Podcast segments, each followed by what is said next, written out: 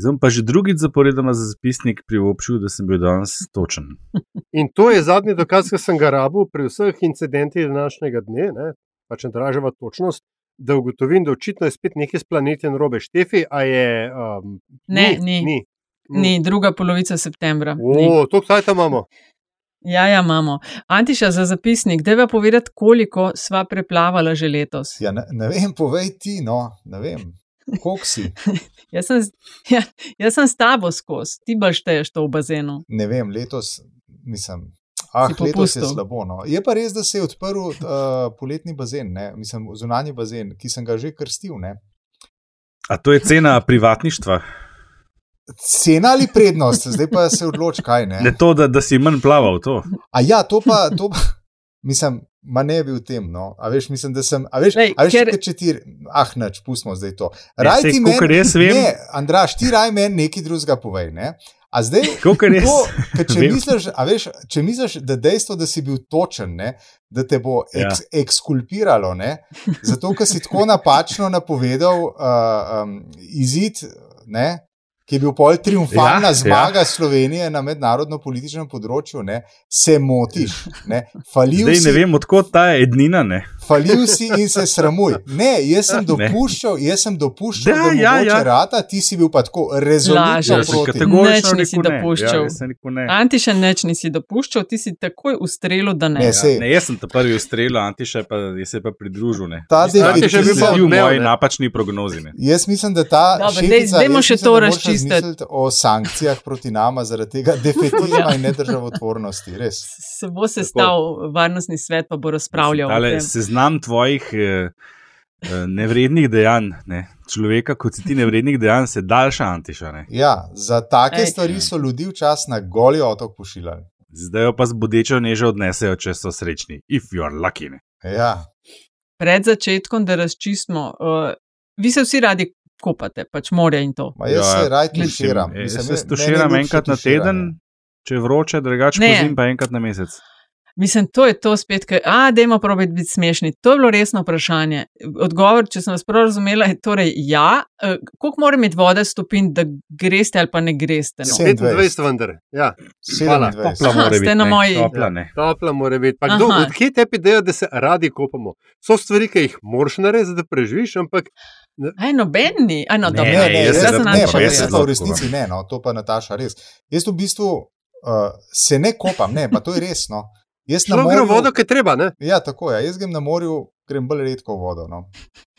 Ja, A, smo isti. No, jaz sem pa tista, ki jo vidite, pa uro vodo. No, no, no jaz tudi. A pa ste še pod pajsko, malo fluskaš, tako kot to, to, to, to, to, ja, pa po, no. po tilniku, A, po tilniku v strahu pred uh, kardiovaskularnimi šoki. Ne? Absolutno. Ja. Ene pol ure lezamo not, pol, ker, ker veš, da še pol ure lezu ven, ker kamni in take ja. stvari. Ja. Pol si čim dlje not, to je vsaj ena ura da znaš kmalo spet soočen s teh pol ure. Tako da v bistvu sem jaz sam dvakrat na dan uh, v morju, ampak praktično cel dan. jaz pa cel dan poslušam, pa da je pej to vodo, veš, kako je topla.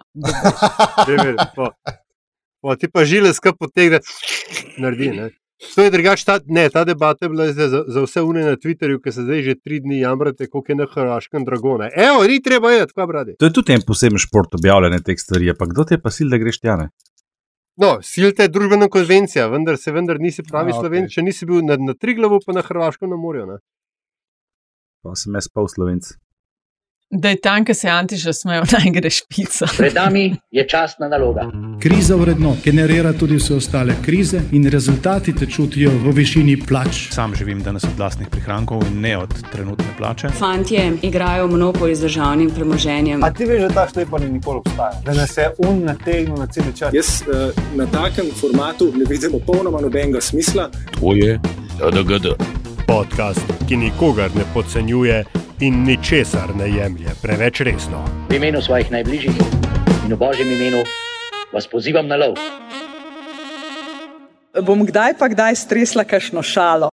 Špica je šla in po špici zelo rade volje povem, da poslušate podcast, ki nikogar ne podcenjuje in ničesar ne jemlje preveč resno, in še posebej ne politike. To je slogan nas, gostiteljev in gostiteljice. Andraš Zorko Valikon, privatnik Antiša Korjan, Aljaš Pengovitenc Radio Chaos in Nataša Briški Metina Lista. Hvala lepa za podporo, za vprašanje smo dobili, gospodje, tokrat uh, in tudi za investicije v naše vsebine. Tokrat znova ambiciozen načrt, pa še zelo posebne objave. Ok, zdravstvo, a ne smo rekli, ali jaš eh, kom, vsa kombinacija, ki jih prenaša, od eh, protestov, škandalov, odstopov, potem uh, gibanje Svoboda in. Uh, A veste, da so ustanovili mm, senior sekcijo? Mm -hmm. Pa da se z kocka z generalno sekretarko in tako dalje.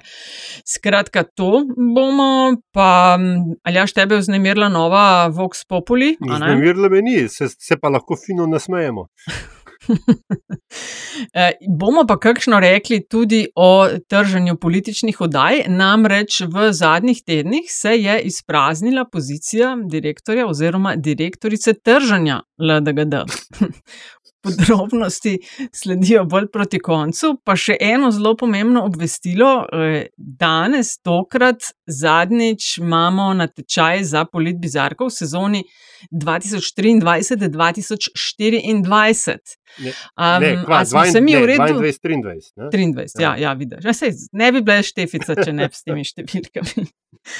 Skratka, bomo vse, ki so nad 50 odstotki, bomo se o tem pogovorili proti koncu, kje pridejo poštev. Skratka, to je plan za danes, predlagam, da kar začnemo. Ali jaš imaš ti še kaj bi dodal? Um, ne, mislim, da ja, mogoče se moramo uh, samo odločiti, ali bomo um, reagirali ali pa ignorirali uh, inflacijo, to bože političnih podkastov pod Alpami, um, ali bomo naslovili slo, no, uh, slono v sobi, ali bomo pustili, da, da, da zrastejo. Ne? Kaj se imamo pa, Antiša, ja, kaj se imamo pa mi s tem zaukvarjati? Ja, jaz tudi spoh ne vem, kaj se je. Jaz tudi tako, ja. pač sem pet. Mislim, ja, jaz mislim, mislim, da je tako legitimna pozicija nas kot ustvarjalcev, Eh, konkurenčnega podcasta, da jim zaželimo vso srečo in hkrati v podtonu crkante čim prej. o katerem podkastu to govorite? O čem to govorite? Ali jaš, o čem ti ja. to? Ne, kaj? Ja, neki, neki, neki se na nov pojavlja. Okay. Le, mislim, Aha, okay. da ima si priznati. Dej, mislim, jaz bi le skromno rekel, da pač prvi smo bili. Ne. Prvi smo bili, ogromno poslušalcev imamo, hvala, ker nas poslušate vsi ostali pa ne. Ja, še to sem pozabila povedati. To, kar ste se vedno sprašvali, koliko je pa LDGD visok, pa koliko je težek, fantje, 185 cm sežemo in težki smo 84 kg, če nismo lagali. Mislim, jaz nisem. Ne. Imam pa Andraža, pa Ljaža, imam, imam večkrat na sumu, da stane. Jaz, jaz sem bil malo presenečen, moram priznati, Ljaževo težo, glede na to, da sem ga dva tedna nazaj videl živo. In sem bil čisto šokiran, kako ima lahko človek enako višino kot jaz, pa tako manj kil. Ker se uživa, si mi zdelo, da, da smo tam tam, ne? tako da ne vem, ali jaš, kdaj si se na zadnje tehtal, koliko star je ta podatek, z katerega leta je. Aha, ne, danes zjutraj. V bistvu, ali jaš, če nisi zaznal pod to, Andraš ti je hotel reči, da si je navaden debeluh. Ne? ne, se to sem sicer tudi užival povedal. Ja, sem ne, če si bil ti še zraven. ja, no, pojmo, um, Antiša Zvoli. in Andraš. Uh, vlada je, to je res udarilo kot strela z jasnega. Vlada je predlagala zamik preoblikovanja dopolnilnega zdravstvenega zavarovanja. Štart ne bo to, kar je bil plan, prvi deveti. Ampak prvi, prvi. Za tiste, ki ste včeraj začeli to temo sne, snemati, spremljati. Po predlogu novela, ali kaj je to bilo, želi vlada dopolnilno zdravstveno zavarovanje prenesti v obvezno, v obliki plačil obveznega prispevka v fiksnem znesku, to je 35 evrov mesečno, in prejemnik teh sredstev naj bi bil po novem ZZZS, torej Zavod za zdravstveno zavarovanje Slovenije, in ne več zasebne zavarovalnice. Antiša, presenečen? Uh, ja, in ne, ne.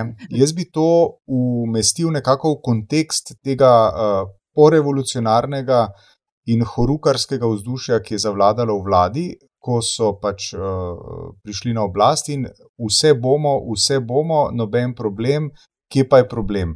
No, potem pa, ko se stvari lotaš, ne.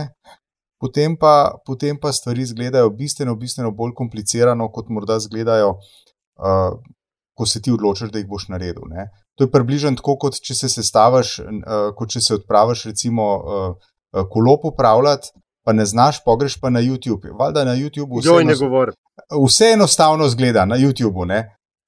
Pomaž pa odrgnjene mm -hmm. členke, pa plašč uh, od gume ti je težko dodati. No, skratka, če se vrnem k politiki, ne, enako je tukaj, ne, ki ti nekaj izračunaš, pa Excel pa to, pa to vse prenese, ne, pol pa, ki se ti pa začnejo, se ti pa začnejo stvari mm, v realnosti dogajati, no, potem imaš pa težavo.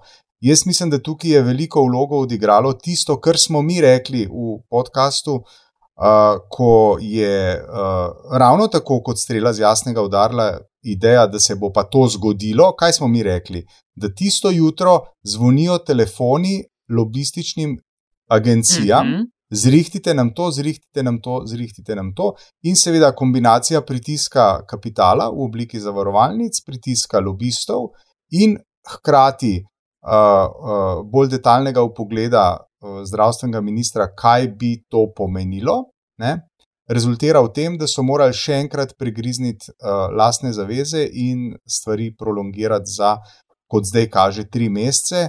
Ampak mislim, da na temelju uh, izkušenj, ki jih že imamo s to oblastjo, pa lahko dopuščamo, da bojo tri meseci postali tudi še kaj več. Ne? Zdaj, a se bo kaj prištelo, a se bo pa kaj zmnožilo te tri mesece, bomo pa videli, ja, mogoče temu kol božiča, ne? ali pa mogoče že prej. Mm. Skratka, presenečen in hkrati ne. No. Jaz bi samo dodal, ne, ker je Antiš absolutno preskromen, da bi se sam pohvalil. Ti si bil tisti, ne, ki je rekel, da, takoj, da se ti zdi 1. september absolutno nerealen rok. Ne. A, no, da, viš, hvala. Ja. Jaz sem ta detalj, sem, moram reči, pozabil. Uh, ampak ja, Sej, mislim, sej, mislim, ti v treh mesecih, mislim, ti bi rekel, to pa Nataša bo kaj vedela, ti v treh mesecih v tej državi vodovodarja ne dobiš domov. Ne? Zdaj pa, zdaj pa zdravstveni, a veš, mislim, zdaj pa zdravstveni sistem reformiral v treh mesecih. Ja. Ker je spet ta, zdaj že kar slovična zaletavost te vlade kot ena ključnih lastnosti, po kateri se je lahko zapolnilo prvo leto. Jaz bom pa samega sebe citiral. Ne? Jaz sem pa v tistem momentu, ko smo to prvič komentirali. A se je Urška uh, dodal še ne? ne, diraj mi Uršku. Uh, da sem že takrat omenil, da se mi zdi tudi z tega vidika preveč zaletavo, nepremišljeno. Koncu koncev to pomeni ukinitev kar nekaj delovnih mest v treh zavarovalnicah, oziroma ena, v bistvu, pravzaprav ne bi imela več smisla obstajati, če prav razumem. Ostali dve pa za njih pomeni to, kar konkretno krčenje, verjetno števila zaposlenih. In na to tudi kaže gledati, ne ošti čez noč, takole, ne. Zato, ker se tam en spomni, da ima si hitro ima rating dvigen, da ima se res to smo obljubili, pa neko je delo ven, pa ne. Mal na hurukne. In, in to je škoda, ne, veš, pri tej vladi, ne? ker v bistvu sami sebi dajo neke ne, nerealne cilje. To je tisto, kar znaš golo preko, ne bomo več obljubljali. Ne? To je še ena od tistih obljub, ki je bila zarečena. Ne? A je kdo od vas že dobil pošto od vzajemne? Mislim, da sem jo od vzajemne že dobila. O preoblikovanju. Prosim. V rokah jo držim. Aha, ker že so neke ponudbe preoblikovanja, kako, ja, kaj ja, in tako dalje. A ste, Andraš, slučajno na to temo v zadnjih tednih izvali kakšna merjenja, ne vem, kako ljudje na to gledajo, dopolnilno v obveznosti? Ne, ne, ne, ne, ne zadnje čase okay. delamo zelo malo teh. Uh, družbeno koristnih javnomenskih raziskav, uh mhm. -huh. se fokusiramo bolj na naš core business, lepo slovensko rečeno. Jaz bi mogoče izkoristil um, priložnost, če mi dovolite. Um, to, kar mislim, da še nismo naslovili v tem podkastu, ne, je ta, um, mislim, za me res mora reči, strašljiva lahkotnost opletanja uh, uh, po usodah, recimo, gospodarstva, ki si ga prvoščijo posamezni predstavniki uh, te oblasti. Ne? Namreč, ko je ta ideja o ukinitvi s 1. septembrom in ko so bili uh, prišla, ne, nastala in bila komunicirana v javnosti, se je Luka Mesec na to odzval, in ko so bili potem tudi uh, odzivi zavarovalnice, Luka Mesec odzval z besedami, da se bodo morale zavarovalnice pač sprijazniti, da so lepi časi za nje minili in da te priložnosti na trgu ne bodo imeli več. Ne. Mislim, a veste, to je za. Um, to ni rekel en Luka iz železnikov. Ne? To tudi ni rekel Luka Mesec poslanec. Ne? To je rekel Uh, in tudi ni rekel samo Luka Mesec, minister, ne? ampak je rekel podpredsednik vlade Republike Slovenije. Ajste, to je pa meni strašljivo, da tako zlahka ti rečeš, pač tam so pač neke firme, da se jo že prilagodile, ne bojo pa, ne vem, bo pa smeti odvažale za lokalne komunale, če ne bo drugega. Ne, ne moreš tako. Ne? Ne, Ta, ta negativni attitude ne, do podjetij, podjetništva je blazno nezdrav. Mislim, da nam še kaj drugega rekel. Ne. Mm. No, je, mislim, je, je pa vendarle treba eh, dve stvari dodati. Ne. Eno je, da uh, so uh, zavarovalnice, vendarle, ne, kot sta Nataša Kled demonstrirala, uh, se že prilagajajo. Ne. Um, in jaz tako, jaz ne dvomim, da bodo zavarovalnice preživele.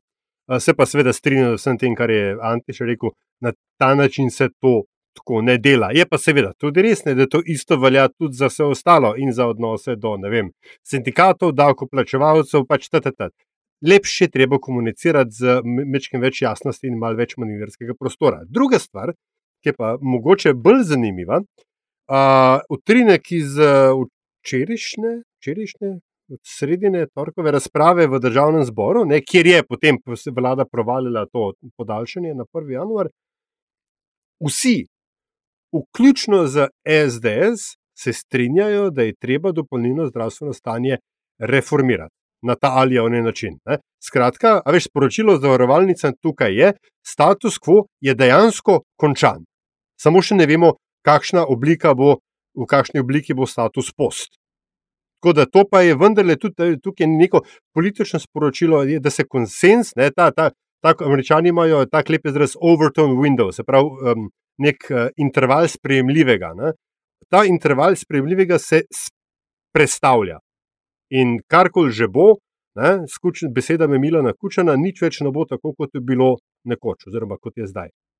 No, pa še nekaj kaže spomniti, to smo že tudi takrat govorili. Ne? Levica je obljubljala ukinitev dopolnilnega zavarovanja, ja. kar to seveda ni. Ne? Ukinitev bi pomenila, da ne bomo več plačevali tega, vsi bomo plačevali isto, samo vmes ne bo več treh zavarovalnic, ki imajo svoj aparat in ki so imeli nek dobiček iz tega, pa po mojem mnenju, da ni nekaj strašno velik, ne? ker ni nič drugega, resnici, kot nacionalizacija. To, to, to je nacionalizacija. Pa, Ti ne, si pač ne, tri ne, firme, ne, ne, ne, trem, za, čakaj, trem zasebnim firmam si vzel posel in si ga prenesel na državo. Kaj je to drugega, kot nacionalizacija? Nacionalizacija je, da ti tri, tri firme rečeš, to je zdaj moje. To je, no, to je ja, drugo. Okay, to je, to je, no, okay, no. ja. Mal sem, mal sem pretiraval. No. Malo ste izletel, gospod. Ne, ampak, okay. Malo se je podjetnik v tebi zbudil. Ta je skozi zbuden, ta je skozi zbuden. Kako, a, je, ja, ko smo pri podjetništvu, ja, kako pa pa se vam zdi te uh, dividende in uh, SIJ, slovenska industrija, jekla. je? Slovenska industrija je jekla. Ja. Ne, ker smo pri podjetnikih in a, ne dirajte nas. Mm. Skratka, ja, Nataša, če za kontekst, ja. sem to samo tako mimo grede preletel, ker sem imel drugo delo. Ne. Gre za to, uh -huh. da pobirajo po eni strani subvencije za visoke cene energije, ne. po drugi strani Tako. pa koliko 55 milijonov dividend. Pač pa, pa nagrado upravi, dividend, ja. Ja, to jaz je, to je, ne mi, bi- bomo, ne. mi bomo, mi bomo zrihtali, mi bomo uredili, to se ne bo več dogajalo, pa se ti pa točno to dogaja. Ne. No, spet ne, ost napačna smer obrnjena. Ne. Kaj bo naredil podjetje, če se mu bo denar ponudil? Ja, vzel ga bo, a ne? A ga Točno ti to. ne bi. Ja, točno To, to. delajo, to, to je isto, kot so naredile banke eh, po, po finančni krizi v ZDA. Najprej so jih fino sfinancirali, da so preživele, že naslednje leto si pa besne nagrade izplačevali, ker so pač pustili sistem tak, kot je. Ne. Manjše banke so propadle, velike so bile še večje, imeli so spet kar naenkrat denar in so si ga gladko izplačali. Lej, mislim, a veš, ni problem podjetja, podjetništva, tle, ampak države, ki ima absolutno nobenega nadzora nad tem, komu in po kakšnih ključih deli denar. Mislim, meni se zdi popolnoma upravičeno v krizi priskočiti na pomoč podjetjem in hkrati obsojanje vredno, ne glede na to, kaj se omogoča, da si pa ali pa izplačuješ to, kar si Nataša, vse na nižjih nivojih, veš, na nižjih nivojih, uh, na nižjih nivojih se to dogaja. Vse so mehanizmi, ne? če potegnemo paralelo. Jaz bom kupil stanovanje od nekega mestnega sklada ali že česar koli od države, in jaz bom zavezan, da tega stanovanja v vem, desetih letih ne morem uh, ne morem prodati naprej in da imajo oni predkupno pravico in tako in tralala in tralala. Ne? Skratka, ne mi reči, da ti ne moreš v pogodbe, ki, uh, ki urejajo no, vprašanje, problem, recimo kompenzacije oziroma stimulacij zaradi visokih cen energije, da ne moreš unesti tega, da pač to pomeni tudi da. Ali lahko tukaj samo en, ne, ne, ne, ne, lahko tukaj samo en, en pomemben podatek. Ne? Uh, to, kar je Antiž rekel, seveda drži. In, recimo, podoben primer smo imeli pri Hočah in Magna. Magna je vrnila subvencijo, zato ker ni izpolnila pogodbenih obveznosti. Ne. Problem v SIU, kar jaz razumem, zapisano je, da so um, subvencije oziroma pomoč za energetsko draginjo dobile firme, štiri firme v Sloveniji, ja. izplačilo, uh, nagrado, je pa, se pravi, profit je pobrala pa mama firma, ne, holding, ki zdaj tudi izplačuje nagrado. Skratka, problem je ta obvod, ki se je tukaj naredil in da se so pač izigrali uh, pravila pomoči, ki so imela te osnovne varovalke. Ne. Tako da se, stvar tukaj je, najmanj kar je, je moralno sporna. Čeprav verjamem, da če bi to kdo nesel na sodišče, bi uh, pač stvar preživela na sodišču, ker tisti, ki izplačuje nagrado, potem, kar je zdaj znano, ni bil zavezan uh, tem pogodbenim določilom. Ne? Tako da mal, mal je svinarija, ne pa, pa če veš, zdaj pa spet tako. Ali se bomo šli po ulici potegni, ali lahko Luka Mesec govori unim. Uh, vaše zlati časi so končani, in po drugi strani um, velike firme, kar tukaj pazi, gre za velike firme, ne za podjetnike, ne, uh, bojo iskali obvode, kako bojo državo scatpali, ali bomo mogoče vendarle uh, govorili o že, um, do, boljšem korporativnem upravljanju, ali kako se že temu reče. Ne? Si to je optimalno. Korporativno upravljanje. Obstaja boljše korporativno upravljanje, ja, kot je to. To je boljš. Ja. Ja, ja, Vzeli so, kar jim bilo ponujeno, še enkrat. Treba ja. se vprašati, kdo to deli in na pokašnem ključu. A veš, koliko denarja se je razdelilo v času epidemije? Na take in drugačne naslove, na take in drugačne načine milijoni, milijoni, ne če niso bile kar milijarde, a ne se smo včeraj gledali nekaj, dve, ne vem koliko milijard in tako naprej. Ne. A veš, koliko tega denarja je šlo ljudem v roke, ki jim ga ni bilo treba dati? A ga je kdo od njih vrnil? Uh, smo eni, smo vračali. Ja, vse je tam, ki je bilo določen, hvala Bogu, ne, mi smo ga tudi, tam, tam smo imeli zelo jasno definiran za čakanje in potem, če si presegel neko ne vem kaj, ti je bilo jasno določene. Ampak govorim pa o vseh unih dodatkih, pa ne kakšnih subvencijah, ki so se tu zdaj v končni fazi po epidemiji delile. Sim, e, Veš kaj, grem zdaj jaz malce nazaj k zdravstvu, pa tem milijonom v čakalnih vrstah. A se vam zdi, Čaršija vem, da to že priča, da bi lahko po Bobnar, ki so jo odstavili, bil naslednji Bešič Loredan. Namreč ta interventni zakon, ki so ga sprejeli in upeljali in naj bi skrajševal čakalne vrste, ta, ne, pravzaprav ta stresni test v zdravstvu, ki so ga izvedeli, eksperiment, se je izkazal, da je bil bolj slab, čeprav so ga za zgodbo za uspeh razglasili. Ne bom kaj dosti več o tem, uh, oziroma no, vse bomo skupaj, ampak to bo moja politbizarka na koncu. Um, a se vam zdi, da bi on lahko bil naslednji? Še se mu je zgodilo ne samo to vmes, torej da vrste niso nič krajše, ampak celo daljše. Da so ogromno denarja je šlo za ta eksperiment, vmes je bila pa še ta štala v uh, psihiatrični bolnici Polje. Zdaj, eh, glede na to, da so nekateri hišni bendi že začeli objavljati kritične prispevke zoper ministra, a so mu šteti dnevi, kaj slišite, kaj? Priložnost za čaršijo. Ja, mislim, jaz ne slišim. Urbani kličejo po njemu kot županu, mogoče je to tudi ena od inicijativ. Kva, kva, kva, kva, Koga, kaj? Pa en grafit sem ja. zač poslikal, da ja, je bilo spodaj, ja, ja, Bešič ja. Loredan za župana, pa za mu je ena priložnost, ki, ki spustorimo, da bi bilo Bešiča Loredana za župana. Ampak, ja, uh, Neš, kaj me zanima, ne, se, spet, da ne bo zdaj spet na robe razumljeno, absolutno ne zagovarjam tle nikogar v tem primeru. Uh, jaz vedno se sprašujem pri teh zadevah, ki začnejo, ne, kot si rekla, hišni bendine. Uh, pojasnilo, gre, ja. za, gre za tako imenovane neodvisne medijske hiše oziroma vire. Ne. Ko začnejo vsi družno v en rok pihati, pa eni stvari poročati, pa, pa vse na koncu nekaj, pa še pride še kakšen inštitut, 8. marec zraven, pa, pa se pojavi še psihiatrična klinika in kar naenkrat si kličejo pod stopu. Ne, ministra, v takem primeru bi jaz ministra v vzel, kot obratno. To je ena stvar, druga je, uh, v zvezi s temi čakalnimi vrstami, to vem, da so objavili izračun zelo natančno na financah, če se ne motim, no, moram paziti, kaj govor, da jih nam Petr soldat po prstih dubo, ampak uh, a so oni tudi preverili, koliko je pa zdaj več popraševanja po zdravstvenih storitvah po epidemiji, ki nekaj časa sploh nismo mogli zraven. In uh, koliko je tudi mogoče vpliva tega, kaj počnejo zdravniki sami pri, pri naročanju. Jaz moram dati le deliti osebno izkušnjo, da sem dobil ne dva, tri preglede, ki jih v bistvu ne bi bilo treba, čist, če smo čisti iskreni. Pa sem jih ne tako kot si, sem jih pač vzel, ne? zakaj bi jih pa zavrnil, če so mm. bili ponujeni. Veš, kaj tle je Mhm. full enih spremljivk. Ne?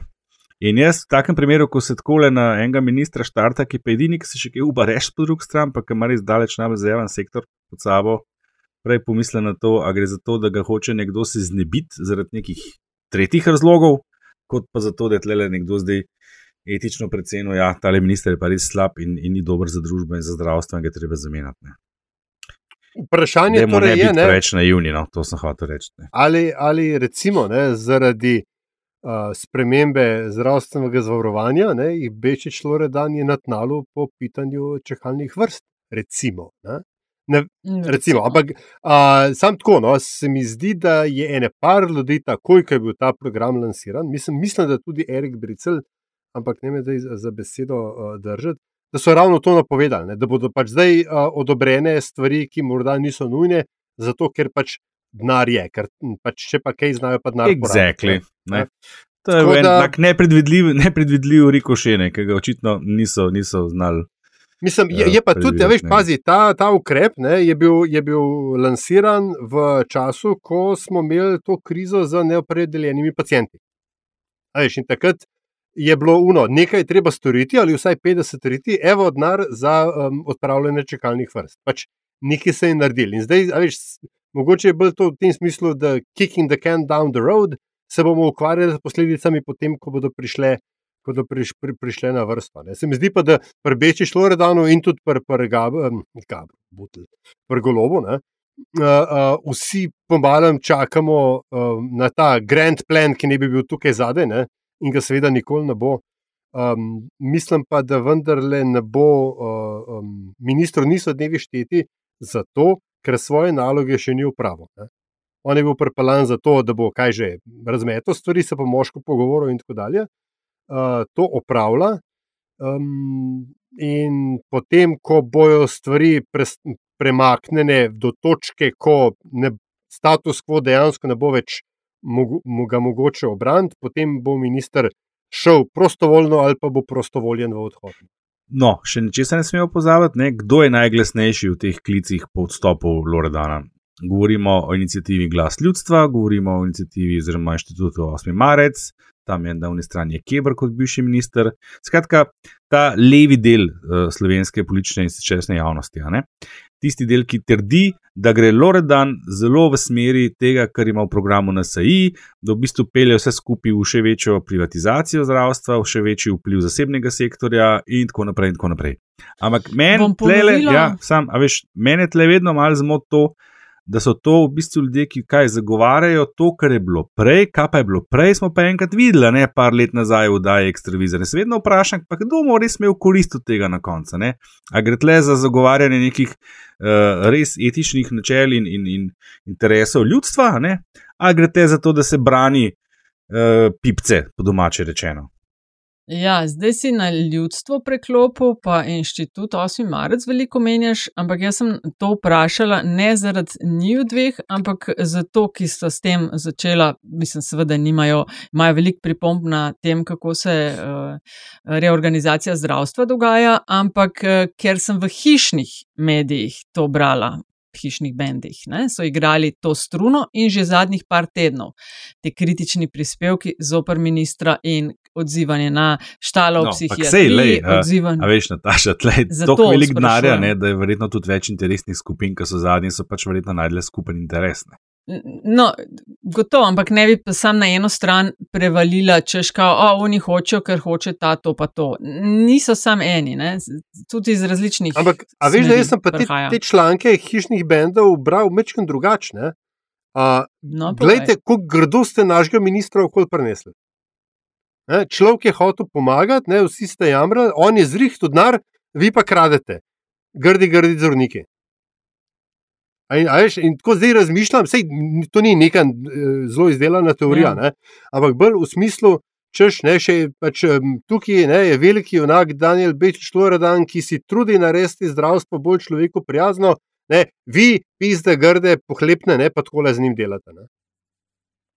Lej, bomo Ja. videli. Ne ve- ali bo ja, se pravi, ne vem. Mogel spokati ali ne, uh, in kdo bo v tej Ampak bitki se to je še zmagal. najmanjše. Me pa zanima. Mislim, jaz mislim, da moramo tudi Ja. ja. reči, ne, jaz mislim, da je, da je to najmanj zdaj, a, a tam sedi en ali pa drug ali pa tretji. ne. Dejstvo je, dejstvo je, da se je ponovno izkazalo, da je to, mislim, a, a si upam reči, nerešljiv problem za slovensko državo, da uredi zdravstveni sistem. Ne? Zato, ker jaz mislim, da še nobena oblast ni prišla, se pravi, nobena vlada ni prišla na oblast s tako trdno odločenostjo, da postavi zdravstveni sistem v res v um, naj, najožji fokus svojega delovanja. Ne? In po enem letu se je izkazalo, da stvari niso niti za milimeter boljše, ampak so slabše. Ne? In zdaj, mislim, a mi misliš, to- pa to je zgodba o uspehu, je rekel. Vse vem, da je samo številke pravijo drugačne. In zdaj, a veš, zdaj jaz ne, mislim, ne vem, ali bomo zamahnili, dokler, dokler se nam vse ne podre na glavo, te bolence, pa EKG, pa respiratorji, pa ne vem kaj. ali, Mislim, ne. V bistvu sam pri sebi se bor- borim s tem, ali je to sploh stvar, ki jo je vredno naslavljati, oziroma ki jo ima smisel naslavljati. In, ne, tukaj sem citiral, ne, seveda, um, uh, in se s tem boriti, če pa, če pa se stvari nikamor ne premaknejo, ne, so pa stvari vedno slabše. E, Jaz sem bi želela, če nam uspe najti eno ustreznico za nasloviti, bo to super. Obstajajo. Bo to obstajajo. naloga za naslednjo sezono. Obstajajo Da, in da ga tudi, dajo. eh, so bile že omenjene, eh, ker so naslavljali v medijih to vprašanje, ne. ampak zdaj le jaz v glavi nimam. Ne. Ampak a so, a so, a so vprašanje naslovili ustrezni deležniki? To, to je to. Ja, to pa je. Ja. Kaj pa če bi recimo ja, adresirali, bi lahko rekli? Eh, Recimo, ne. Recimo. Pa kuvertirali, pa, pa Oh. frankirali. Tudi lepa, Ja. Andraš. Adresirati. Bravo, Dajmo, za dajmo adresirati. Sicer No, pa bi imel samo, adresirati. samo en medklic. Jaz mislim, da sem ugotovil, uh, kdo bo dobil pa naslednje volitve. Ne. To ne bo tisti, ki bo rekel, da bo uredil zdravstveni problem, uh, zdravstvene probleme v tej državi. Jaz mislim, da bo volitve dobil tisti, ki bo obljubil in predstavil uh, prepričljive načrte, kako bo rešil pot, uh, problem potovanja po tej državi. Ne. Zato, ker to, čemu smo zdaj priča, čemu smo zdaj priča, to je samo slabš, No, pa slabš, no. pa slabš. Ne. A se spomnite par epizod nazaj, ko sem naslovila oziroma Ja. ja. adresirala Mhm. to temo? Ja. ne? Evo nas, all over. No, dajmo adresirati Ampak naslednjo dajmo neki, neki sentle zvezi. Ne, tle moram, Kaj? ne, No, daj. tista moja teza zanč, a smo pa sam šokirani. Vse, mislim, ja, verjetno je prometa res malo več, kot je bilo, ne, ker, ker je pač vsako leto malo več, ampak ne pozava, da smo imeli tri leta popolnega zatišja. Pa da ne sem to, da se nismo vrnili zdaj v normalno, letos smo priča res eksploziji uh, v turizmu. To je, to je ena redkih kategorij, če ne celo edina ta moment, ki ne trpi posledic draginje, no kljub temu, da so cene ful visoke. Zato, ker si ljudje pač prvošili, ljudje so se odločili, tri leta epidemije, valjda si prvošil, zdaj orang to, pa se nečemu drugemu odrekel, druge stvari trpijo in tudi zaradi tega se bistveno več prometa. Ne. No, ampak, Andraš, ti si, ti si številkami, Andraš, nisi najbolj na ti, pa te bom jaz mal podučil. Ne? So prišli podatki, pred recimo enim mesecem sem nekje zasledil podatke, da se je promet na slovenskih avtocestah v zadnjih, mislim, da desetih letih povečal za 25 ali 35 odstotkov. Ja, sej sem rekel, Sej, da veš, raste je- sprot, raste sprot, ampak to, čemu smo pa zdaj priča, konkretno, to, ker, ker vi izhajate iz tega, večeš, kakšno je na cesti, ko doživljate to osebno. Je, res je več, res je več, ampak zakaj je tega več? Ne samo, da občutimo, da je tega več, ker je bilo pred zadnjih dve, tri leta ni bilo nič, a ne? zato ker je več potovanj, zato ker je več cest, ki se obnavljajo in je se pač posledično več gužva. Pa še ena stvar ne pozabiti, ne? Hrvaška je vmes prišla na evro, pa na Schengen in je bistveni večji Ja, naval eh, Nemcev, pa Avstrijcev na Tako. Hrvaško, kot je bil eno leto prej. Res drvijo dol z vseh koncev, zdaj se jim pa splača, zdaj pa ni več čakanja na meji, ni več čakanja na čakalnicah, ne vem kva, to je zdaj čist druga sfora. Tako da vse to so te stvari, a veš, ki, ki jih ne, seveda pa deset let nazaj očitno ni nihče predvidel, ko so, ali pa dvajset, ne, ko so. No, pa še nekaj, pa še infrastruktura. No, na lej, sa- temo, no. Sam še to. No. Postkoronsko je short haul flying, ne, se pravi letenje po kontinentu, sploh nizkocenovci, to je še vedno uh, uh, utter shit. Ja? Stvari niti po razno niso na ravni, ki so bile pred korono, niti po zanesljivosti, niti po točnosti, niti po cenah. In je avto, kar naenkrat, alternativa. Do, do, dosti bolj uh, ekonomična mm -hmm. alternativa. Ja. Dobro. Stvari so več plastne. Vprašanje, vprašanje, gužva je. Ja, je, ja. Vprašanje. Sam to ne pomeni, da bo zmagal na volitvah, unka bo čisto razširil. No, kaj, kaj Jakoba zanima, da ti to pove? Jakob je v luči teh članek, navezuje se na članek o domnevnem razkolu v gibanju Svoboda in sicer uh, berem med uh, njegovo vprašanje med generalno sekretarko in drugimi člani, celo ministri in poslanci. Zdaj pa ga zanima. Glede na to, da gre za največjo parlamentarno in koalicijsko stranko in da se omenja tudi možnost parlamentarnih stoppel ga zanima naše mnenje in diskusija. A je res kaj na tem, kako lahko to vpliva na trdnost stranke in koalicije ter vlade? Da mi smo se teh stvari, mislim, da v prejšnji epizodi že parkrat mal dotaknili, ampak ne bo odveč ponoviti. Ali až ti si imel po alinejah zloženo celo to? Uh, torej, Antiša, ti, uh, mogoče če ali pa Andraš, kdo želi uh, začeti. Skratka, a se vam uh, dozdeva, da bi ta. Um, vretja, vretje eh, različnih mnen glede generalne sekretarke lahko karkoli razbilo, še preden bodo naslednje volitve, ali pa kako lahko to vpliva. Ja, ja mislim, če smem, no, mislim, glede na. Ne, glede na dejstvo, da jaz generalno sekretarko Gibanja Svoboda ne da jo dobro poznam, jaz jo poznam predobro, ne, ker sva uh, predolgo sodelovala. Ne. Um, jaz niti za gram ne dvomim v to, da je to, o čemer zadnje dni pišejo mediji, vse res. Mi se lahko zdaj pogovarjamo tukaj, ne, mislim, na nivoju, a so mediji falili, a je ona uh, prišla skozi unu hod v stavbo ali pa skozi ta vhod, ampak to so minornega pomena. Uh, oziroma, to pač nima velike teže, ne, ta uh, morebitne napake. Ne. Sicer pa, glede na njen modus operandi, ki mislim, da se z leti ni izboljšal, ampak se je poslabšal, ne, od takrat, ko sem videla, imela priložnost sodelovati, uh, mislim, da je to enostavno vse res. Ne. Zdaj, če se recimo postavimo v vlogo nekoga, ki je poslanec, uh, je bil tja izvoljen z glasovi ljudi, ljudi ne, preden je bil pa izvoljen, je pa.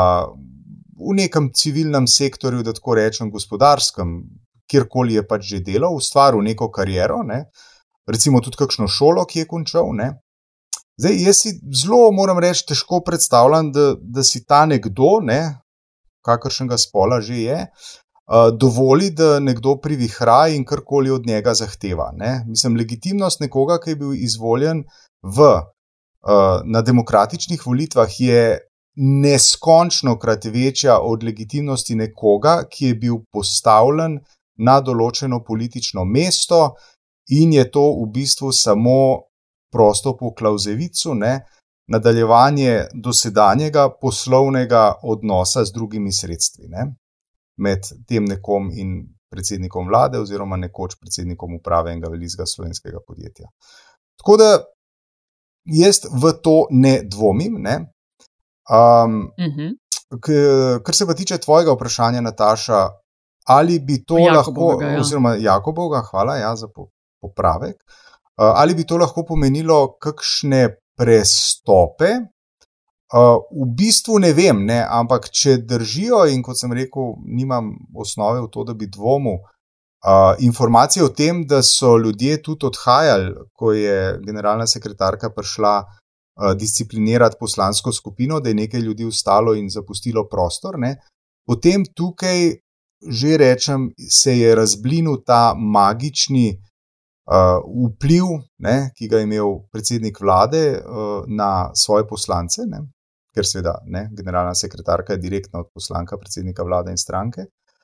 Uh, in tukaj ne bi rekel, da so morda uh, morski psi že zavohali krine. Se pravi, ta absolutni klinč, v katerem je predsednik vlade imel svojo poslansko skupino, morda popušča, ker ne gre drugače. Zdaj, zdaj mm. kdo je za to odgovoren in kdo si bo za to moral uh, nekoč pripisati zasluge oziroma odgovornost, ne? Mislim pa, da je to bolj kot ne retorično vprašanje. Mm. Andraš, ti si pred časom uh, za neke govorice, mislim, da si celo že v epizodi, ali až je ne? Dvakrat, dvakrat, dvakrat sem o to nekih ja. prehod. Si ne? Skratka, kako vpliva na trdnost stranke in koalicije ter vlade? Ja, dej ponovno, kaj si slišal. Pa, Zdaj pa že tretjič, mislim, oziroma, pa že pa se na koncu, bo pa Ja, veš, kaj bo na koncu. Na koncu, ko so pa to zgodili, bo pa rekli, sem si jaz to zmislil. ne. Da bi ti arhitekt. Zato moraš malo več. Ja, ja, ja. Sem jaz arhitekt tega, ja, tako ne. Ja. Noč, no, pač ne. Par mesecev nazaj mi je nekdo, ki je v vrhu ene družbe, gospodarske, začel razlagati, pa, pa te ljudje so ponovadi tudi kar dobro obveščeni, kaj se v politiki dogaja. Uh, razlagal načrta, ne, ki je vključeval, da se najprej ustanovi neka, neka stranka oziroma platforma, karkoli zdaj to, Logareva, in potem bo v to stranko pristopil en ali dva iz SDS-a in en ali dva iz SD-a in šest, sedem iz Gibanja Svobode. In dva od Mhm. teh treh korakov sta se v resnici že zgodila. Ne. Tam je neka platforma nastala, s katero lahko nastane stranka, tam je Logar, tam je Eva Irgl, eh, tam je bil, tam je bil Pikalo, tam mislim, da se je s tem povezoval tudi Prednik. Uh, zdaj, kdo so pa te 6, 7, 8 iz Svobode, seveda pojma nimam, ne, ampak tako je izgledal, kot en tak master plan. Najprej zgleda meni to bolj kot en wishful thinking, ne, ampak glede na to, da so se pa zdaj ene dve, dva koraka že kar uresničili, pa ne, mogoče pa res kaj na tem. Mm. Pa ni to nekaj, ki se bo jutri zgodil, po mojem, veš, se šele eno leto mimo. Ne. Prejšnja vlada se je Ja. ja. zamenjala po dveh letih, ne, se pravi, recimo, vsaj še eno leto časa je, pa, pa že malo nima več smisla. Ne. Ampak vsaj še eno leto časa Ja, ja, no. je za kakšno tako zgodbo. Ne. Ja, ja, ampak to ruki leto je mimo, ne? malo so se spoznali, kje so hodniki, kje so veceji, kaj lahko, česa ne, uh, vseh teh benefitov, ki pridejo s tem, ko si poslanec oziroma poslanka. In pa se začnejo pa lahko tudi kakšne kalkulacije, o kom kaj izvejo, kdo kaj naredi, pa ne bi smel ali pa kaj podobnega. Kar lahko privede do kakšnih presenečenj. To je sicer res, veš, po drugi strani imaš pa recimo tukaj um, kako že svarilne zgodbe uh, poslancev SMC-ja, ki so na neki točki ugotovili, um, oziroma našli hrbtenico, nekje pozabili neko to umar. Ne. Uh, in uh, odstopali, stopali, in eh, ne vem kaj že, in jih pač v naslednjem sklicu, od, tudi od, so parlament samo še od zunaj gledati. Ne, ne pozabiti na pač tudi to, kar se je rekla, ne, veš, ta um, privlačnost ne, vseh teh benefitov, da, tega, mm Mhm. -hmm. da greš na sprednja vrata v noto parlament, ne, da ti ni treba skozi rentgen in tako dalje, da ne govorimo o službenih avtih in vsem ostalem, ne, in predvsem ne, članstva v odborih. Ker, a veš, če ti greš, uh, rečeš, o, gre, gre, pa, bomo pa mi klede naredili zdaj um, poslansko skupino, kaj je to, stranka sodelovanja, ne, če se bo Logarjevo društvo preimenovalo. Pol ti nisi več kar naenkrat v koaliciji, pa si ti v opoziciji, a veš, in pa si ti nekje pod uh, NSI-jem, in pol nisi več član odborov, nima več informacij, ni več dodatkov. Uh, hočem reči, da je te velik stvari takšen, ne, takšna poteza potegne za sabo. In ne, je sicer seveda res to, kar je Antiš rekel, da so ti ljudje bili izvoljeni na volitvah, je pa seveda tudi res, da brez stranke in njene generalne sekretarke, pa boh ne da izklej zdaj Vesno Vukovič v bran jemljem, ne, ampak uh, ta interakcija med poslanci in centralo stranke je ravno tako legitimna. In mislim, da je velika, velika razlika, oziroma velik razkorak med tem, da se oni na seji poslanske skupine med seboj v kuras pošiljajo in, in točko, ko nekdo reče, veste, kva, ne sem, da vas imam dost, enim drugim grem. To, to, to se mora zelo velik stvari, se mora vmes zgoditi. In uh, to, da se zdaj govori o tem, da ne bi uh, Vesno Vukovič zamenjali, ne, čeprav ne vem, koliko je zdaj to še, uh, spet, koliko je bila to raca in wishful thinking. A veš, da jaz že vem, s kom bi jo No, lahko. a vidiš, ampak hočem reči, Robert Golob, če kaj, ne, zdaj, pa, eh, potem se on meni ne zdi sentimentalen tip človeka. Ne. In se mi zdi, da bi on, uh, ko bo tehtal med uh, udobno večino v parlamentu in Vesno Vukovič, mislim, da je jasno, z, koga bo raje uh, žrtvoval. No. S kom? Uh, Nataša, s kdo kom? pa? Kdo, Nataša? Ja, Nataša, ja. kdo? ne, S če je kom? to tako lahko. S kom? Uh, glih, kar sem vam poslala na WhatsApp, ampak še ne upam reči. A res ali kaj? Ker je to sam, ker je to sam uh, zdaj sem se spomnila in uh, nima ni pre, pač čist ničesar v zadej in nič takšnega. Noro. Tako da bomo sam rekli, a sem imela prav ali Zdaj bojo nisem vsi imela prav. hoteli biti v Ampak to je našem bolj, se pravi, ugibanje. To je bolj ugibanje na podlagi parih informacij, ki jih imam. Ampak, Zanimivo ugibanje. Ja, se je tudi Andraž za. Ja, ja. ok, pač to je čaršija, ki je pa skrita za zaprtimi vrati čaršija. Ja. Um, zelo uh, dostop, odprtem... dostop do te čaršije ima samo sponzorji.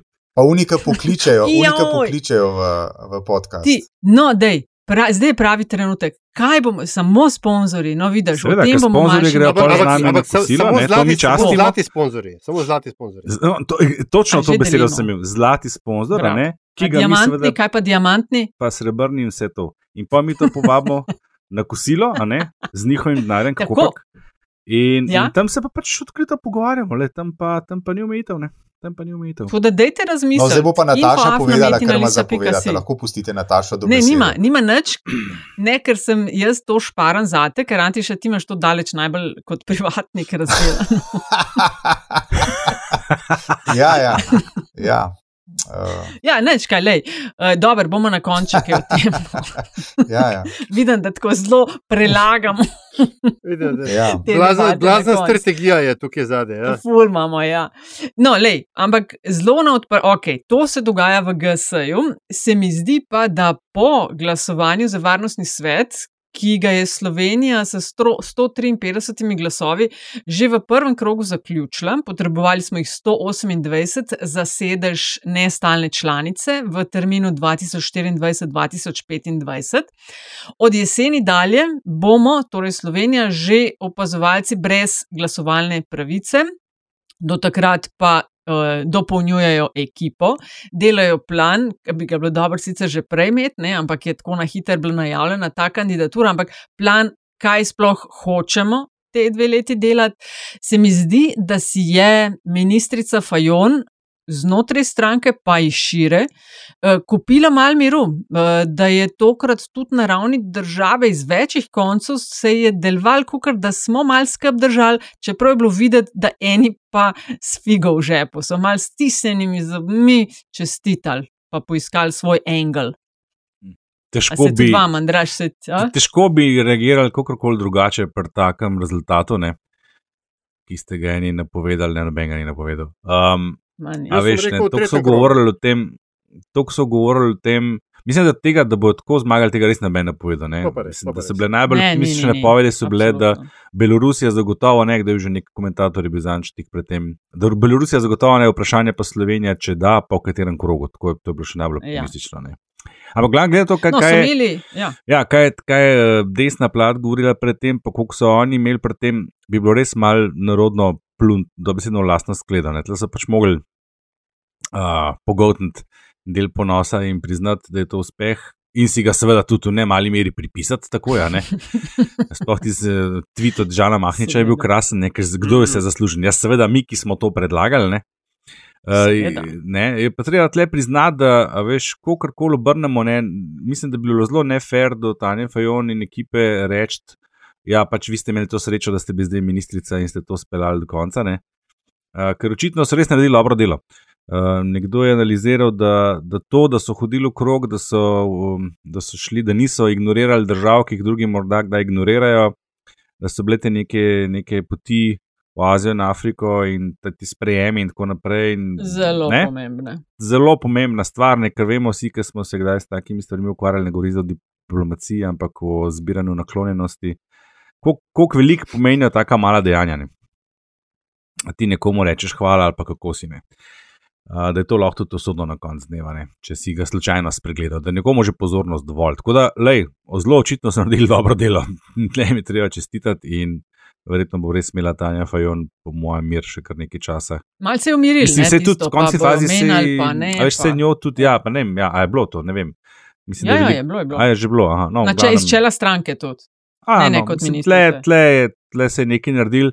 Uh, mislim pa, da tudi sama, ne, glede na to, kako je reagirala po objavi rezultatov, ni pričakovala tega. Ne. Tiste je bilo pa tako, da bi na Euroviziji zmagali. Ne. Videti. Ne. Mislim, to v prvem krogu pa tako, definitivno ne. Jaz bi klele imela čist en na svet, dobro nameren. E, kadar veste, da, da bo se nekaj zgodilo, ali tako, ali pa drugače razpletlo, in snimate za potrebe družbenih omrežij, dejte prosim kamero oziroma telefon obrniti v vodoravni položaj, ker imamo oči vodoravno, nimamo jih tako na vrhu nosa, pa spodaj, ker to seveda veš, da bo šlo na televizijo, pa ne bo treba tistih črnih kotičkov mm. levo pa desno od tega delati. Ne? Sam tako, prijazen na svet, profi za ston. Say no to vertical video, to je bilo nekaj časa celo gibanja. Ne? Um, kaj sem hotel reči, uh, veš kaj je, ne? zdaj, ko imamo tudi v, v sedežu varno za svetu, pomeni, da bo imela Tanja Fajon še manj časa za stranko, kar pomeni, da bojo lahko pred, prednik in company v bistvu dosti bolj po svoje se obnašali in harali in tako dalje. Ne, da, veš, to je Se, tako. a je, misliš, da je njej sploh v interesu ostati dolg časa predsednica te stranke? Mislim, glej, uh, če nisi predsednik stranke, pa tu svojega powerbase za resna ministrstva nimaš. Ne? Tako, veš, te, te teorije, da bi ona ne bila predsednica stranke in ostala zunanja ministrica, to ne pije vode. No, ne. to A najbrž ne. ne. Ja, to najbrž ne. A, je je, pa- je res, da pa- ima pa zdaj bej za kakšne druge stvari, ne? S to, s to pozicijo Slovenije. Ja, ja, ja, ne, mislim, a veš, jaz še vedno mislim, da uh, ko bo prišel čas, približno ta čas naslednje prihodnje leto, ne, ko bo Slovenija izbirala uh, svojega kandidatka ali kandidata ali kandidatko za Komisarko. komisar, komisarko ali komisarja, ne, mislim, da bo nice. nje, njeno ime zdaj v uh, Yep. resni igri. Že Yep. s, Absolutno. Absolutno. Smo nekateri napovedali da, že pred In časom. še nekaj, ne, da vrnem to nazaj na našo notranjo debato. Ne, očitno sta imela Tanja Fajon in ministrstvo za zunanje zadeve dobrega direktorja trženja. Ki ga Iščemo tudi nekateri mi. nimamo. G- Ja, ponujamo visoke odstotke, druženje z štirimi zelo kul cool ljudmi in In, majčkami. in celo nami štirimi tudi. In dostop do zaupnih informacij. Ja, In res, Hvala in res lepa. kakovostno tračarjenje, to pač moramo vedeti. No. To pa, to pa je res. Ne, to pa je res.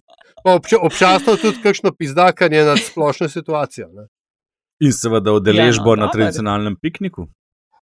Najbolj pocenjenih ljudi v Sloveniji. Mhm.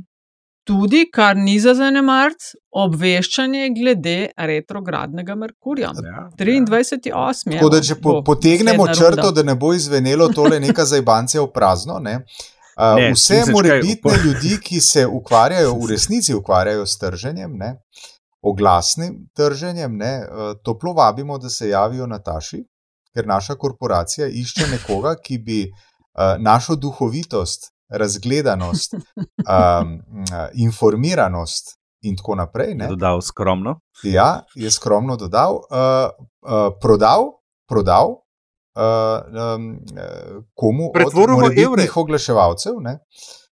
in mu zagotovil prostor v našem podkastu. In eh, jaz mislim, da tudi to je treba dodati. ne. Zdaj, to je vse res zelo resno, ampak Antiša, tudi ura plavanja s tabo, zakaj pa ne? Ja, A? Ja. Bi se Mislim, dal. Tudi se lahko se kaj izmenimo. Ja. Tudi se lahko izmenimo. Ja. Mislim, a veš, toliko enih dobrobiti smo našteli, da sem prej že pomislil, če bi bilo mogoče uh, bolj na mestu, da nam ta oseba nam plača honorar, ki bo deležna vsega Ja, tega. ne. Že kar Sam takoj, res, ne? ja. Zdaj, pa, zdaj kar- pa še tole antiše uro, sem pa že se začel še malo spogledovati s to pozicijo. Ne? Sam res ne. Sam jaz že vse prej imam, ne. To pol drugače. Ne, Ne, če, ti čeprav, ti- čeprav, Andraš, ti bi lahko nudil, um, kako te mu reče, PST. ne, va, Sprehod po PST. vaje, po- po- pomoč pri vajah za prvi letni statistike, pa take stvari. a Veš, to so vse resne stvari za Dajmo- našo ciljno Dajmo publiko. ne. ostati na, na zdravih temeljih. Jaz ponujam uro tenisa. Uh, Aljaš, kaj ti? Ja, Jaz lahko ponudim uro, Traveling with ne, uro krlinga, nekam? recimo. Ne. a veš. A to še je. Jo. A to še obstaja. Ja, zdaj, bo, zdaj bo dvorana padla, res. ne, Lahko, je zrihtam, a veš. Na, No, lej. ne, to je čisto resno vprašanje. Na infoaf na metina lista pika si javijo naj se samo resni. Resno je to bilo. In to nas pripelje, lej. Ne, je to, to moramo do- zdaj podariti, da je to res ne. To ni Ne, to je res zajebancija, ne. resno. Ja, to, to je resno. Res, Samo drage kako nam bo poslušalke, drage poslušalci, res radi smo neresni, ampak ta del je bil pa absolutno resen. Ja, to je čisto resno, sploh ti s statistiko. Ja, ful. Ti Um, moraš nekaj, če ne nas na noben resno imel. Polit bizarka. dragi moji. V prejšnji rundi je, ne bom rekla bogato, ampak slavil pa Antiša, premijer Golob. Smo rekli kot Marija Antoaneta, na to bom imela jaz v zadnjih 30, če kaj povedati. Ampak Antiša 36 odstotkov, medtem ko je Puma Pahor skače iz konzerv, tesno za petami z 28 in tudi butasto, butasto, se pravi tista izjava predsednice parlamenta o ukrepih COVID. Trikrat butasto za tretje mesto. Tako. In uh, na zadnjem potvarjanje izjave NPM, glede kaj že bilo, aljaš, ti si imel to čez. Sicer naj še to povem, kdo hoče videti natančno, kaj je kakšna politbizarka bila, vedno so linki. Kjer je le možno, in to je v 99 odstotkih, so na uh, njih prpeti. Tako da lahko vidite, pogledate, slišite, kaj je kdo rekel. Uh, sicer pa izvoli, Antiša, zmagovalec. zmagovalec ne. Začni tako. Ja, jaz uh, tokrat kandidiram uh, tretje uvrščeno iz zadnjega merjenja politbizarke. Ne morem si kaj, no.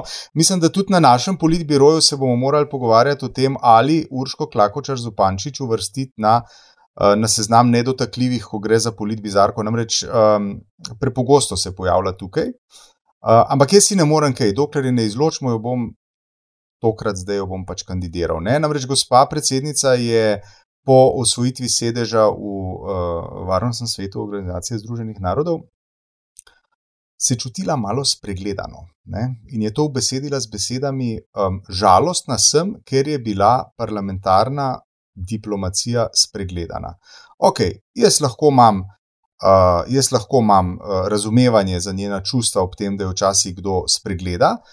Tisto, za kar pa nimam razumevanja največjega, je pa to, da nekdo, ki je na mestu nominalno, morda drugem ali pa tretjem najpomembnejšem v državi, uh, tako pogosto začuti potrebo, da uh, potarna, kadar je spregledan. Spomnil bi namreč na to, da je ta gospa že bila enkrat spregledana, ko so nekje, mislim, da na ena pisali o tem, uh, kdo na vrhu te države je milijonar, in ker pač ona ni milijonarka, ne, se je naslednji dan oglasila z besedami: um, Tukaj sem, tukaj sem, nisem milijonarka, se pa počutim zelo bogato.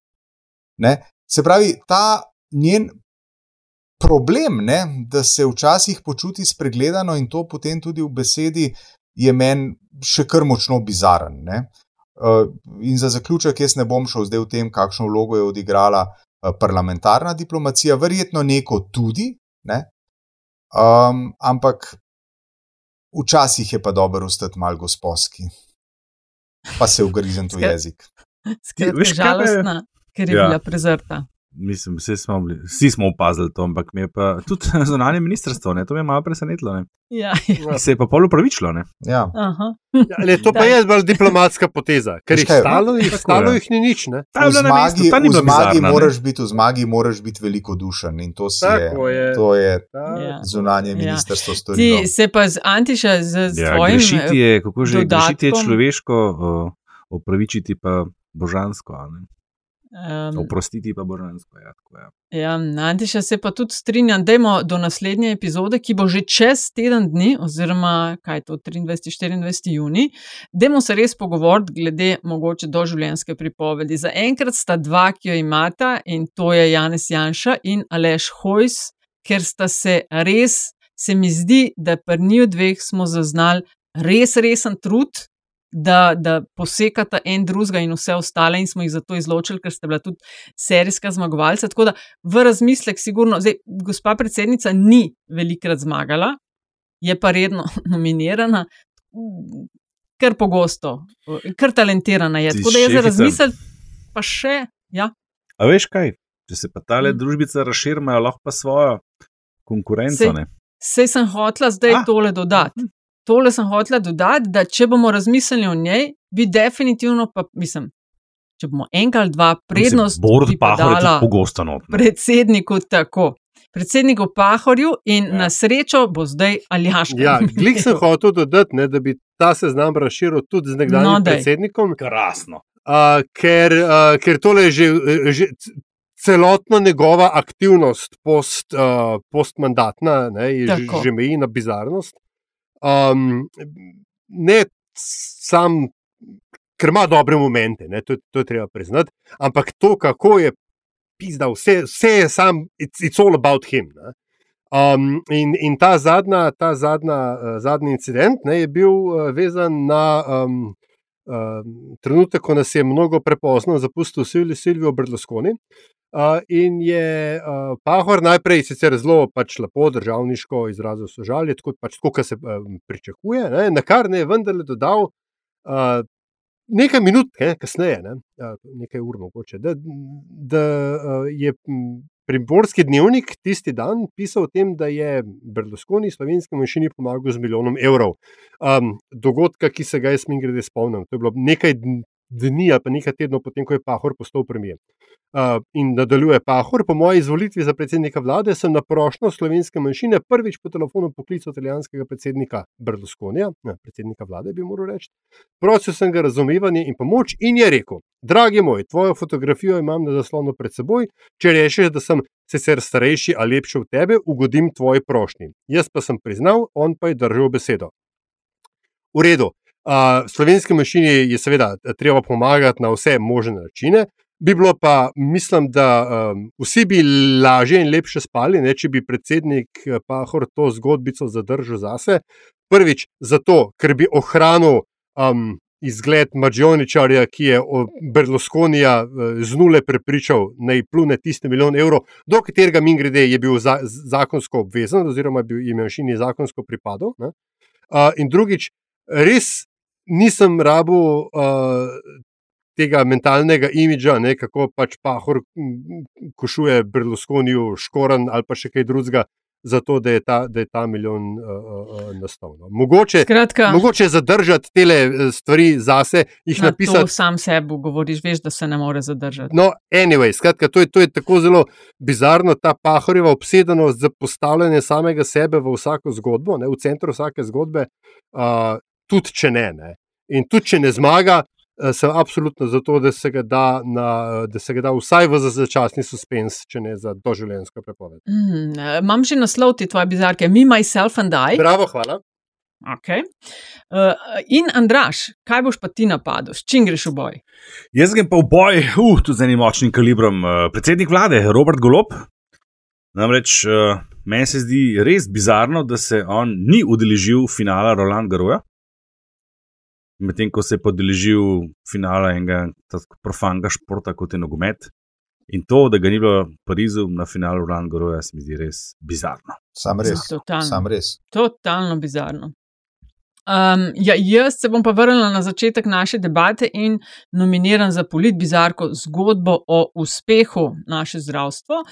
Um, pač minister Loredan je za interventni zakon rekel, da je na svoj način zgodba o uspehu, ker smo denar vložili v storitve, v dostopnost, v življenje pacijentov in nikoli ni bilo rečeno strani ministerstva, da bomo na ta račun drastično skrajšali čakalne dobe. No, mediji so kar tekmovali tekmovali, komu vse je rekel, da in izrazil pričakovanja, da se bodo na podlagi zakona čakalne vrste v letu dni skrajšale za polovico, govorilo se je v nekaterih primerjih celo za do 70 odstotkov. Tako da moja nominacija je pa zgodba o uspehu.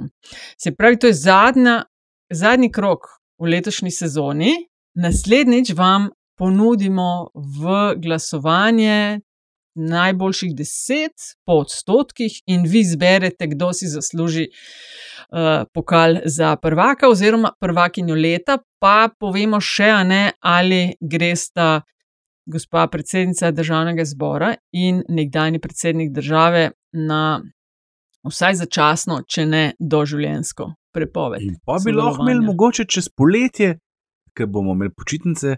Sam bizarke snemamo, pa imamo dve rubriki. To je bilo pa A veš, da mogoče pa res. Dobre, lej. da, ej, na- A na veš, to pa imamo na to te pa klasične, ne? Kaj pa, če Ne. naredimo to v video varianti? Ali pa to, naprimer, U, to. Iz morja, O, zakaj pa ne? Iz Marija. vode, ko se kopamo. Marija. Pa tako, z Kakšna masko, na, z masko na glavi, pa, a veš, Ja, tako, ja, za ja. kvalungami na hrbtu ali pa, Pa pa z z, z rokavčki. Nata, Nataša do koleno vodi. Recimo. Ja, to lepo, mislim, to, če bomo snimali polce, sem gladko jaz, do kolen. Se še do, ja, do kolen, ja, do tam, ko priješ v pol ure. Ne. ne bomo končali prej. Imamo lepo dve rubriki, ne? kaj bizarnega so špičali teli štirje v zadnjem času, Pa pač sveže bizarke. Ja, tako, tele, ki so v zaporu, kva delajo. Te štiri so Pa oni na prostosti. Ja. Krasen. Ja, Krasen. No, pa imamo še v zadnjih 30, izvoli, um, Aljaš. Jaz, oh, hvala. Um, na dan, ko to snemamo, se pravi več, večer, preden uh, se je ta epizoda šla v eter, uh, se je zgodil prvi del druge sezone serije Star Trek Strange New Worlds. Jaz sem mislil en kup enih drugih stvari povedati, ampak uh, Captain Pike in njegova ekipa, jaz jih toplo priporočam tudi za tiste, ki ni, ne, ne, niste Star Trek fani. To je enostavno dober western med uh, zvezdami, uh, z dovolj humorja in dovolj sodobnih referenc, in je za uživati, fun for the whole family. Privoščite si Star Trek Strange New Worlds. No, Andraš, kaj nam boš pa ti prvoščil? Ja, jaz bom pa nadaljeval, mogoče bo pa to celo podrubrika v mojih zadnjih 30, namreč z priporočili uh, knjig, ki jih še nisem prebral. Uh, tokrat še nisem prebral knjige Osebnosti druge svetovne vojne, ki je šla pri Sazuju, dobi se v knjigarni Azil. Priporočila je pa avtorica prejšnje knjige, ki sem jo priporočil, predtem sem prebral. Um, urednica je Mateja Rate, boje, boje, boje, sem malo prelisto, zgleda zelo, zelo obetajoče, malo en tak uh, drugačen pogled na to, kako je to obdobje izgledalo skozi mini biografije, koliko jih je tle, 2, 4, 6, 18 osebnosti. Pa to iz naših krajev ali um, iz svetovno? Uh, začne, se z, uh, začne se z William Brantom, pa so pa samo še naši. Aha, ok. Ja. Zanimivo. Ja. Anti, še Če dovolj, ja, bi te pošparala za na koncu. Eh, lahko me pošparaš na koncu. Veš, zakaj? Ja. No, Či no. sam zaradi tega, ker si zmagal v politbizarki, pa ker imam jaz zadnjih 30, ki se mal na to nanaša. No, je bilo kar nekaj odziva na to bizarko in uh, primerjavo premijer Goloba in pa Marijo Antoneto. Češ, kolikrat je pa to že bilo dibankano in kako ona tega ni rekla. Mislim, se mi zdi, da vemo, ampak se mi zdi tudi, da Maričko, kar pa definitivno drži, bolj jemljemo v kontekstu ali pa kot prispodobo za neko totalno out of touch ekscese, kar pa ona mogoče je kar primerna za neki tašing. Ampak, kar želim predlagati, je en fajn podcast z naslovom You Are Wrong About. Aha, Podcast, ja. kjer debankajo narobe razumljene dogodke, neke resnice, ki so se prijele, pa to niso zares. Uh, in malo so mogoče, ok, amerocentrični, ampak najdeš noter epizode, recimo tudi to z Marijo Antoaneto. Cool. Pa ne vem, sojenje okoli O.J. Simpsona, pa kako so zaradi Joko Ono razpadli bitli, pa Monika Levinski file, drsalka, ne vem, Tanja, Tonja Harding, pa Lorena Bobit in tako dalje. Skratka, super oh, cool. raziskano podcast You Are Wrong About. Izvoli, Antiša. Hvala. Uh, mislim, bilo bi neki logike, da bi Andražu sledil jaz, uh, zaradi tega, ker bom tudi priporočil um, knjigo, ki je še nisem prebral, pride pa prihodnji teden v, uh, v knjigarne oziroma iz tiskarne. Uh, Irena Svetek uh, zaključuje svojo trilogijo, uh, ki se je začela z Rdečo kapico, potem je bil Beli Volk in zdaj le tretje, mislim, da bo nekaj črnega, pa sem v tem trenutku pozabil kaj. Uh, Seveda, ker nisem bral, ne morem res priporočiti vsebinsko, ampak če se bo držala m, nivoja, ki ga, je, ki ga je dosegla oziroma zasledovala v prvih dveh knjigah, ne dvomim, da bo to prijetna osvežitev za poletne dni in tedne. No, seveda, zdaj že to Jaz sem uh, pa- sestavlja. Črni princ. Črni princ, Črni hvala, princ. Nataša. Jaz sem pa mislil, da boš priporočil spet kakšen koncert, ki se ga Kobajagi ne moramo več udeležiti, pa je bilo pol tam ti četrtine. Ja. ja, no, kaj češ. Eni niso šli, eni pa. Ja. Ja. Uh, Ja. Štefi, časno omembo imamo. Ne? Še, Ja, seveda. Aha, na tvoj naslov je točno Ja, povedal. ne, skratka, uh, Miha Rekar, uh, eden od naših zvestih poslušalcev, um, si želi, uh, da tudi širni svet izve za serijo uh, Boys State, ki je na voljo sicer na Apple TV in gre za v bistvu neke vrste dokumentarc o, o stanju politične zavesti med ameriško mladino in kako se ta sploh oblikuje, kako se vzorci utrjujejo. In uh, stvar ima na Rotten Tomatoes odlične ocene. Jaz, Apple TV je eno od redkih servisov, ki ne vleče našega gospodinskega denarja, tako da ne morem trditi iz prve roke, ampak mi imamo ponavadi dober okus, torej Boys State, uh, dokumentarc na Apple TV, se priporoča. Ne, Miha, hvala, mučas. Hvala, Miha. Ja, in to je bilo to, mislim, da smo vse povedali. Ne? Se pravi, politbizarka je to finalen predlog, naslednjič povemo odločitve glede še dveh za zapor ali prostost. Um, na infoafnametina.si pa eh, dobrodošle aplikacije za izpraznjeno mesto direktorja oziroma direktorice trženja LDGD. Hotla, hotla si reči reč prijave. Ne? Pardon, kaj sem pa rekla? Aplikacije. ja, no. Esej. Adresirala je temu. Adresirala sem. Ja, tako, vse vse no, in eh, vidimo se, oziroma slišimo že čez en teden, uh, 22. objavimo, oziroma ja, 23. zadnjo epizodo v sezoni 2022-2023. Hvala lepa za spremljanje, kmalo naslišanje. Čakaj 35 minut, adijo.